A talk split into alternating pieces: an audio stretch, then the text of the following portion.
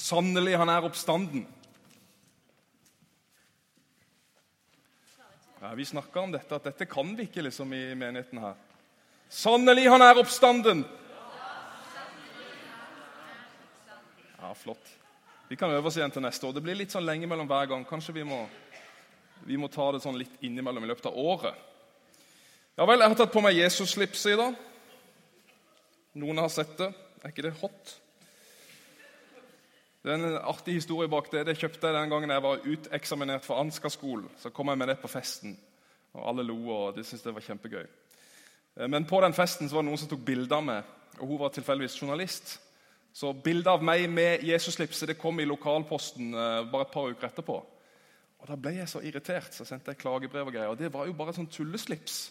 Det skulle jo ikke liksom ut i offentligheten i avisa. Så det var kjempepinlig, for jeg tenkte uff, det er jo litt sånn harry slips. Og Siden hadde lagt på loftet, og så mangla jeg slips til morgenen i dag, så sa jeg Katrine, hva skal jeg gjøre? Så sa jeg jeg syns jeg så en bunke med slips på loftet. Og Så gikk jeg opp og gravde i mørket, og så kom dette fram igjen. Og I dag bærer jeg det med stolthet. Jesus-slipset det skal bære hver påske, i hvert fall. Vi hadde trosbekjennelsen her. Jeg vet ikke om du sa den med med trøkk i stemmen. Det kosta noen livet i dag å bekjenne den. Jeg vet ikke om du har fått med deg nyheten. Jeg fikk bare høre rykter om at det var noen som var blitt drept, skutt eller bomba på Sri Lanka. Det skjer hver påske at kristne blir angrepet. Angrepet, drept for sin tro. Det må vi huske hver gang vi bekjenner vår tro. Hver gang du løfter hendene i en kirke, eller hver gang du tar med deg din bibel. Du vil gjøre det med stolthet. Spesielt i dag. Første påskedag. Jeg vokste opp med en far som alltid kledde seg i dress på første påskedag. Det er noe andektig over den dagen. Det er noe stort. Det er noe vakkert. Det er feststemning. sant? Og Da klarer ikke jeg noe annet enn å stå opp og ta på meg dressen. Sånn er det vet du, med fedre.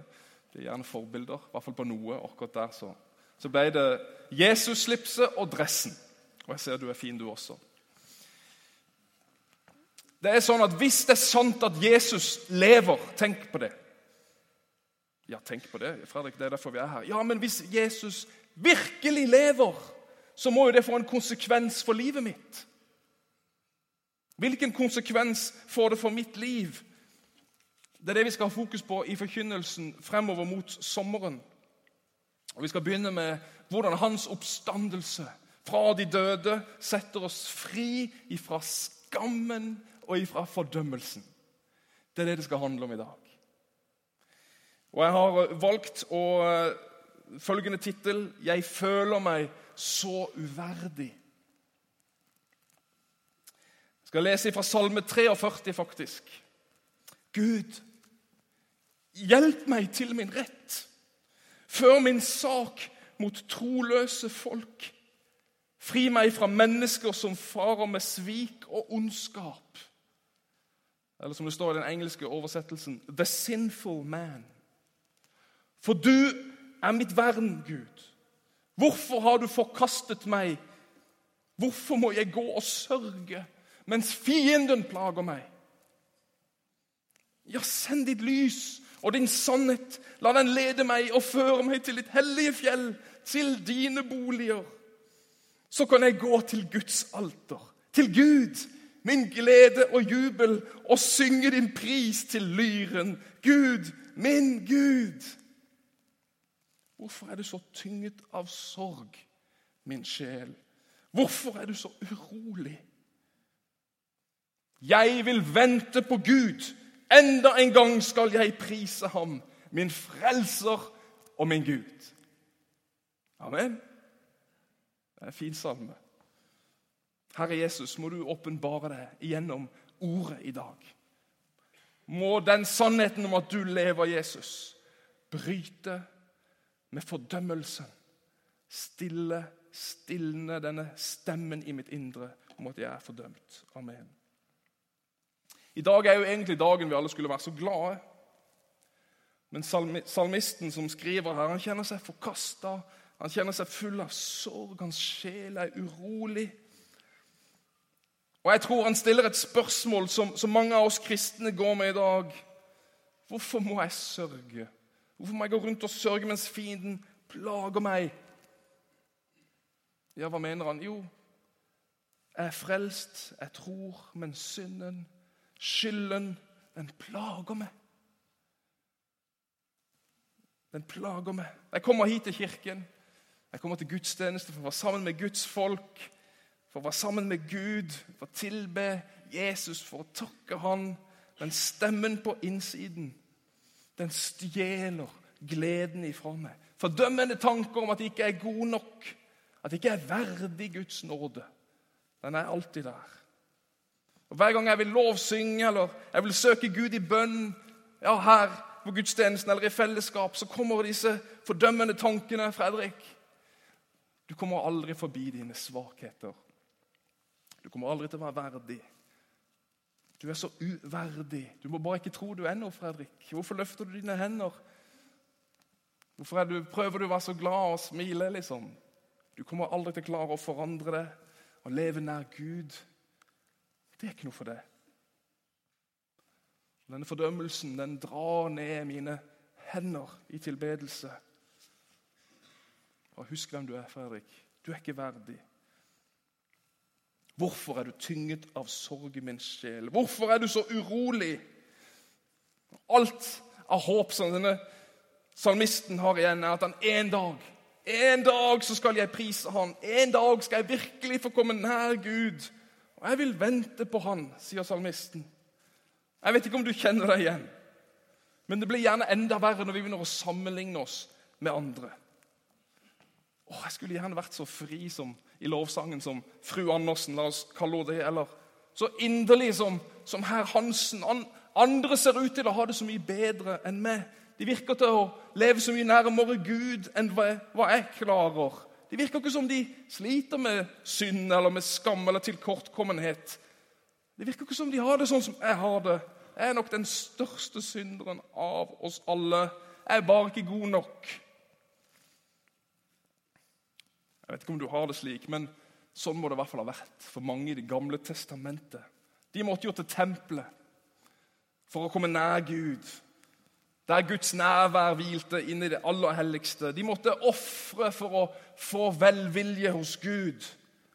Og Mange kom dit med, med offer, det beste de hadde bare for å oppdage at det kanskje ikke var godt nok.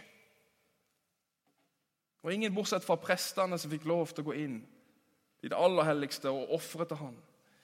I, første, I 3. Mosebok kapittel 22 så kan vi lese om hvordan offerdyrene som skulle løftes fram for Gud, for å få denne gunsten og velviljen fra Gud, de måtte være så å si perfekte, disse dyrene. Det står de skal, dere skal ikke bære fram for Herren et dyr som er blind eller har bukket et bein eller har sår eller lider av byller, skabb eller noe utslett. Dere skal ikke legge gaveoffer av slike dyr på alteret for Herren. En okse eller sau som har for lange eller for korte lemmer, kan det du ofre som frivillig offer, men som et løfteoffer blir det ikke tatt imot med velvilje. Dere kan ikke vinne velvilje ved dem. Den lista er lang over hvis det er ting som er galt med dette dyret, så vil du ikke vinne Guds velvilje.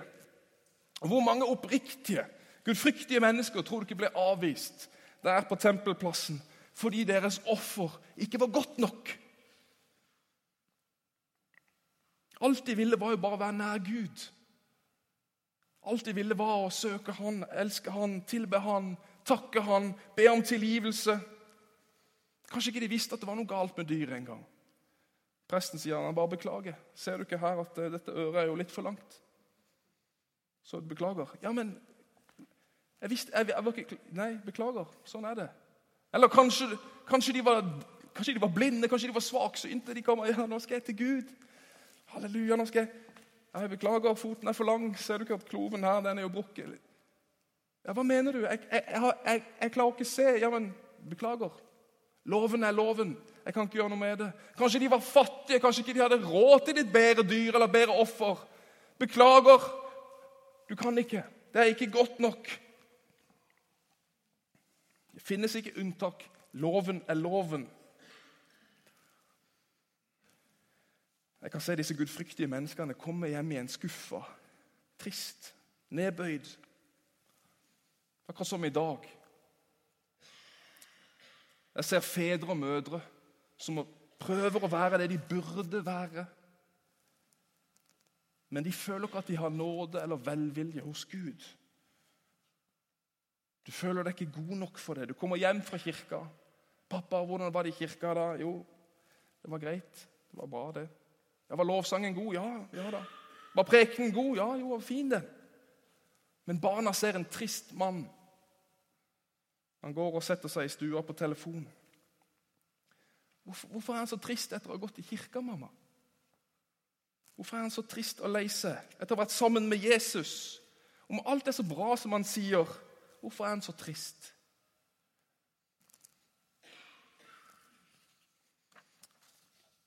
De innerste tempelgårdene var heller ikke tilgjengelige for alle mennesker. Igjen i tredje Mosebok som sier Herren til Moses.: Tal til Aron og si:" Gjennom alle slekter skal ingen av dine etterkommere som har en feil på kroppen, komme og bære fram mat for sin Gud. Ingen som har en feil, kan ofre. Ingen som er blind eller halt. Ingen med en kroppsdel som er for kort eller for lang. Her igjen. Ingen som har brukket en fot eller en hånd. Ingen som er pukkelrygget eller dverg. faktisk. Ingen som har en hvit flekk på øyet eller skabb eller utslett. Lista er lang. Har ikke tilgang til det helligste, til inn der, i Guds nærvær. Se for deg du er så uheldig at du har en skavank. Og Da kan du bare glemme det. Du hadde ikke tilgang til å ofre engang. Uansett iver og overgivelse og hengivenhet til Gud. Du var ikke velkommen. Du fikk ikke lov, du fikk ikke tilgang. Du var bestemt et liv utenfor Guds nærvær. Jo da, du fikk jo delta, men ikke på samme måte som alle andre. Blant annet derfor du kan lese i Nytestamentet om mange av disse syke, halte og blinde som ligger utenfor tempelet og tigger. De hadde ikke tilgang. Jeg tenker at Mange må ha gått med denne usikkerheten. Vil du noen gang akseptere meg, Gud? Sånn som jeg er. Vil jeg noen gang være god nok? Vil jeg noen gang komme videre? I Apostelens gjerninger 10 så leser vi om Peter som er i bønn. Og I bønn så får han et syn. Det er akkurat som det føres en duk. Ned foran han står det. Og, og, På denne duken så er det masse vanhellige og urene dyr og kryptur. Et, et, et stygt syn for en, for en, jøde. Det var urene ting. På samme måte kommer ofte våre feil og mangler så tydelig foran oss. Når vi prøver å søke Gud, vi, hver gang vi skal be, eller hver gang vi skal lovsynge, eller når du stiller deg fram til tjeneste for Gud i menigheten eller andre steder, så senkes denne fordømmelseslista ned foran ditt ansikt din urenhet, dine svakeste sider, din synd, dine skjulte feil, dine mørkeste hemmeligheter. De kommer alltid der og plager deg. Så tenker vi også vil jeg noen gang komme videre, komme forbi denne fordømmelsen? Må det alltid stå så klart foran meg? Vil jeg alltid være så nedtrykt av meg sjøl? Kan jeg aldri glede meg? Kan jeg aldri nyte det? Kan jeg aldri feire Guds nærvær, Guds nåde og tilgivelse uten denne fordømmelsen? Er det virkelig sånn det er ment å være? Folk rundt meg snakker gjerne om renhet og det gode livet med Gud og gleden og alt jeg kjenner på. Jeg mangler og strev om å være god nok. Og jeg skulle bare ønske jeg kunne erfare det samme som de andre. Men salmisten han er jo ikke uten håp. Han vet at Gud kan sende lys i mørket. Noe som kan lede han ut av fordømmelsen. Han skriver jo Og der kan jeg få gå til Herrens alter. Min glede og jubel og synge din pris. Det var noe mer. Det finnes en vei ut av mørket. Men hvordan? Hvordan kom han dit?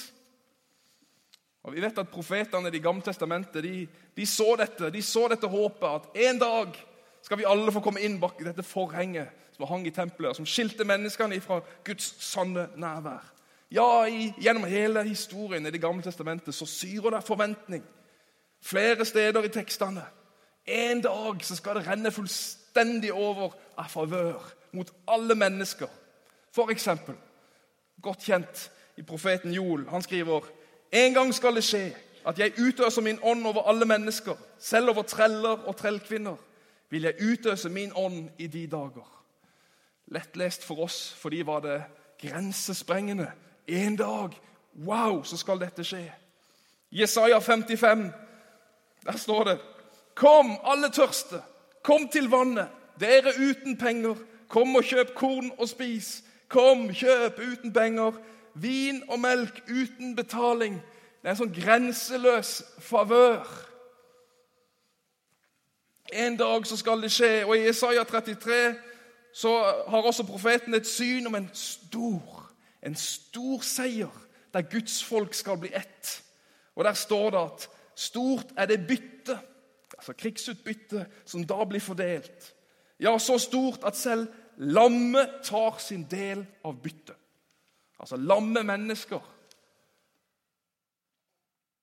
Lamme mennesker kan få ta del av dette krigsbyttet som har skjedd. Så det var håp. Ja, Skriftene vitna om det. Tiden hvor alle var velkommen inn i Guds nærvær skulle komme. Profetene så det, salmisten så det. Og Sånn er det for mange av oss i dag. Vi ser dette håpet.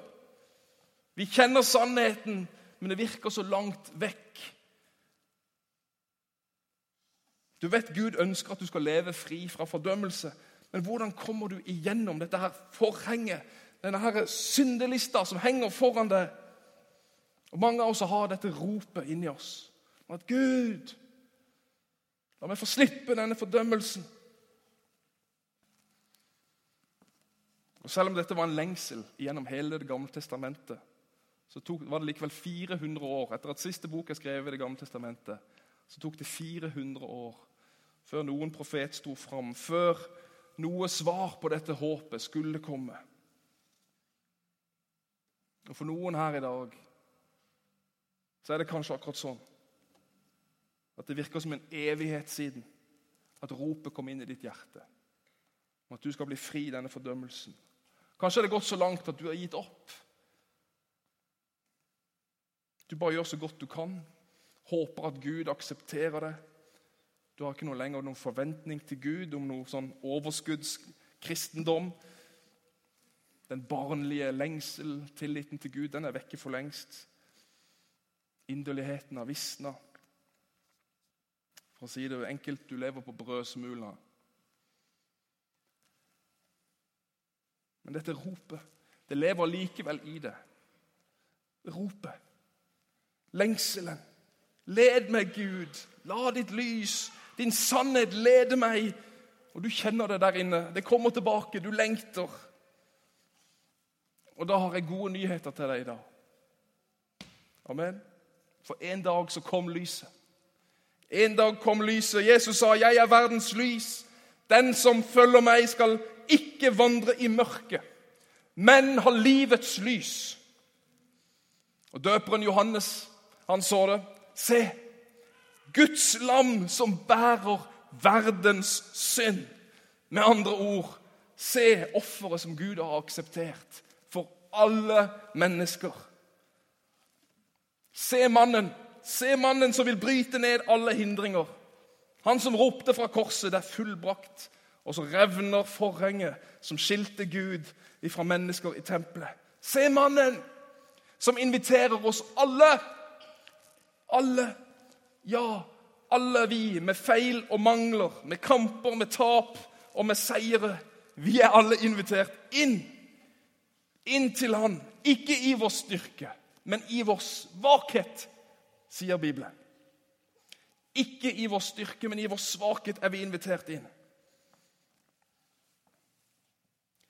Og Da kan vi spleise på et lite halleluja. Skal vi gjøre det? Halleluja.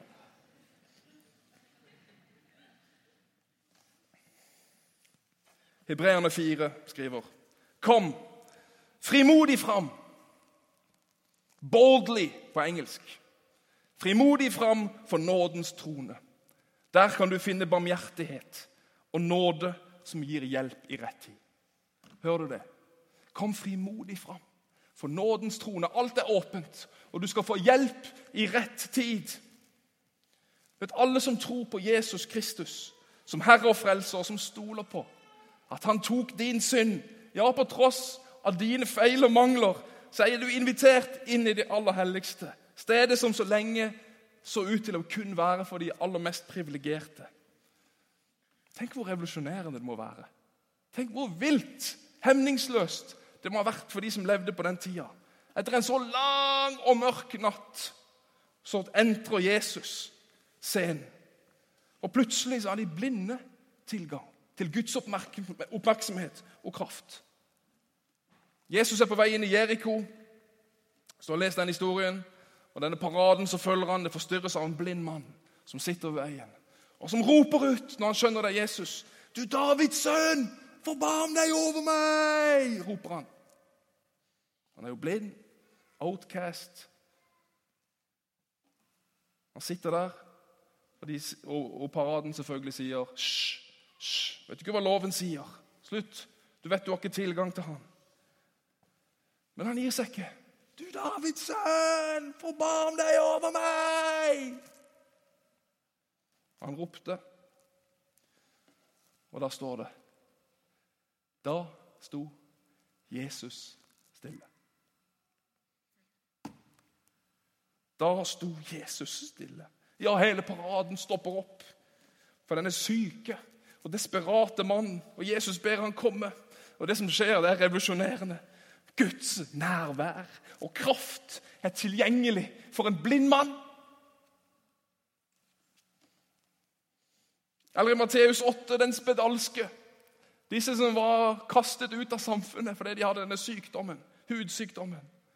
Spedalske mennesker. Kom de, så, så løp jo folk vekk.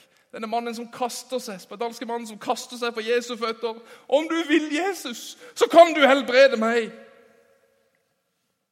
Ble han avvist? Vet du ikke hva loven sier? Du, ikke, du bryter alle normer og regler for samfunnet i dag. Nei. Jesus sa, 'Jeg vil'. Jeg vil, og han ble ren. Eller siste i Lukas 7, som jeg tar fram i dag. Jesus ligger ved bordet hos en fariseer. Disse prektige, høye på loven. Bare viktig pærer til, til stede på dette flotte festen. Og Så avbrytes festen av en prostituert kvinne. Ja, du hørte rett. En horkvinne. Løper, eller kommer gråtende inn og legger seg ved Jesu føtter og begynner å vaske dem med tårene sine. Salver dem med en kostbar olje som hun hadde spart, før hun tørker føttene med dette løse håret sitt. Og Fariseerne tenker oh, om, han, om han var en gudsmann, så hadde han visst at denne kvinnen var en prostituert. Han ville ikke ha tillatt dette. Men hva gjør Jesus? Nok en gang, han avviser ikke dette mennesket. Han tar imot hennes tilbedelse. Hennes offer er godt nok. For en fest! For en glede! For en grensesprengende kjærlighet! Er det ikke som om ordene fra Isaiah, profetordene, er det ikke som at de blir virkelighet? Det strømmer av favør fra Gud. Byttet etter den store seieren er stort nok. Det er nok til alle. Kom og ta. Kom uten penger. Kom, kom kjøp og spis. Kom og spis. De lamme tar sin del av byttet. Jesus er jo bare på vei til korset. Han er jo ikke dødd ennå. Han er på vei til korset, og allerede så er Guds favør så grenseløs. Ja, til og med de døde blir berørt av Gud. Hører du meg da? I dag så feirer vi denne store seieren.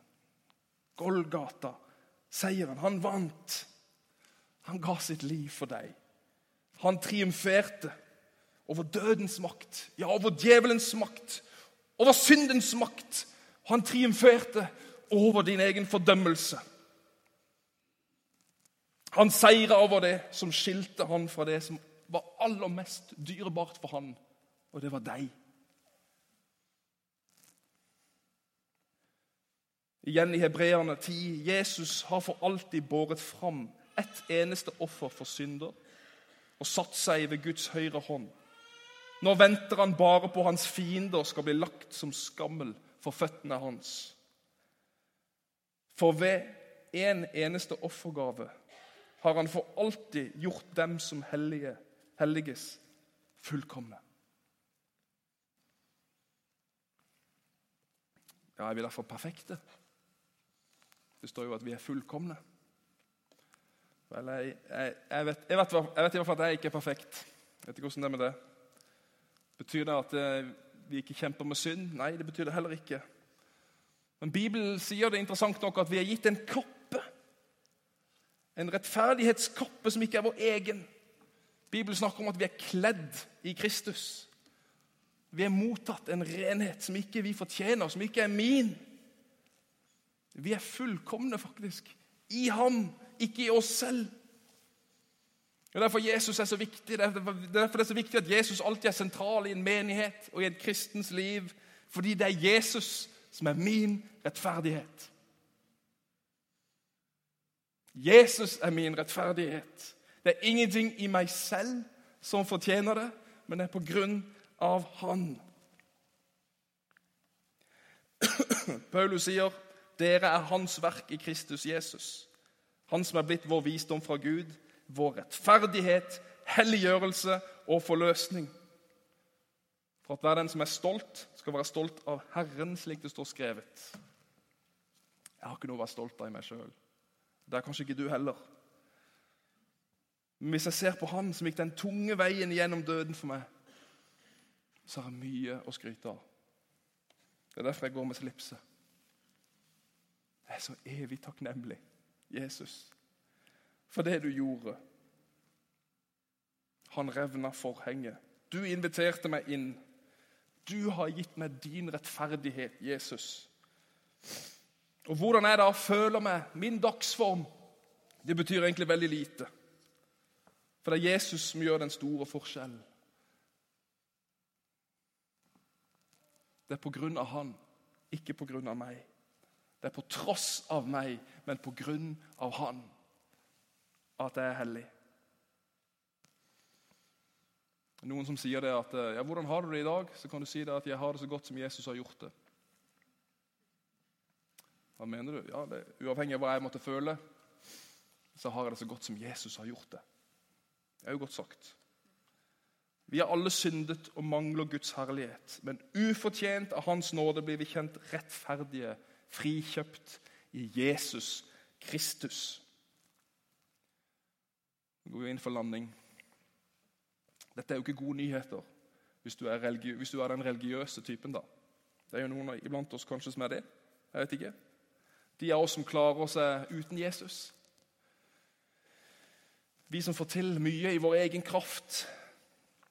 Men dette er et godt ord. Dette er gode nyheter for deg som bare vil ha mer av den levende Jesus i livet ditt.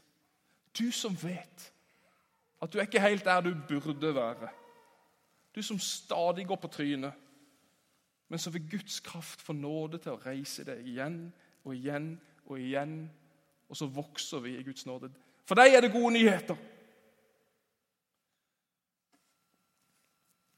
I bønnen fikk Peter se denne duken som kom ned med alle disse avskyelige dyrene, all denne urenheten. Men så taler Gud til Peter, og så sier han ikke kall noe av det jeg har renset, for urent. Ikke kall noe av det jeg har renset, for urent. Så da er jo spørsmålet hva kaller du deg selv? Hva sier du om deg sjøl foran Jesu tomme kors? Paulus sier at gjeldsbrevet som har skrevet imot oss, det er naglet til korset. Hva sier du om deg sjøl? Hvor lenge skal du straffe deg sjøl? Hvor lenge skal du la djevelen plage deg? Hvor lenge skal du kalle deg sjøl uverdig?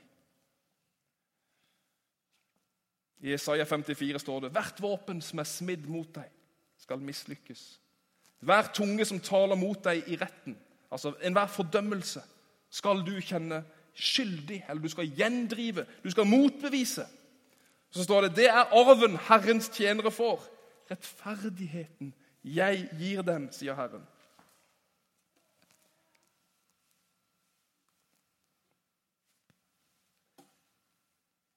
Rettferdigheten jeg gir dem. Ethvert ord som tales imot deg, skal du kunne gjendrive, skal du kunne motbevise. Skal du kunne stoppe og si 'vent litt'. Jesus har gjort meg fullkommen. Du kan stanse den stemmen, for vi er alle velkommen.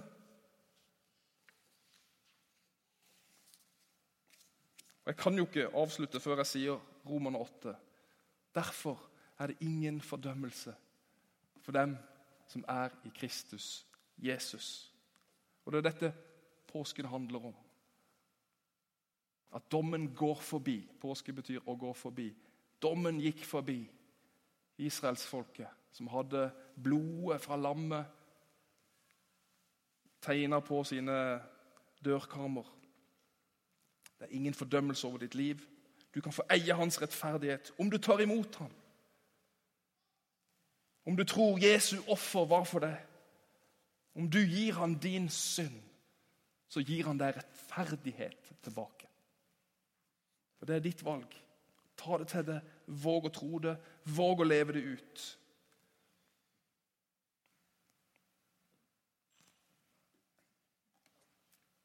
Jeg vil anbefale deg å legge din uverdighet, din uverdige følelse, ved korset i dag. Fordi Jesus ga alt. Han ga alt for deg og meg. Og Da skylder vi han å gå ut herfra og være glade og være takknemlige. Du er blitt gitt hans rettferdighet. Skal vi be sammen?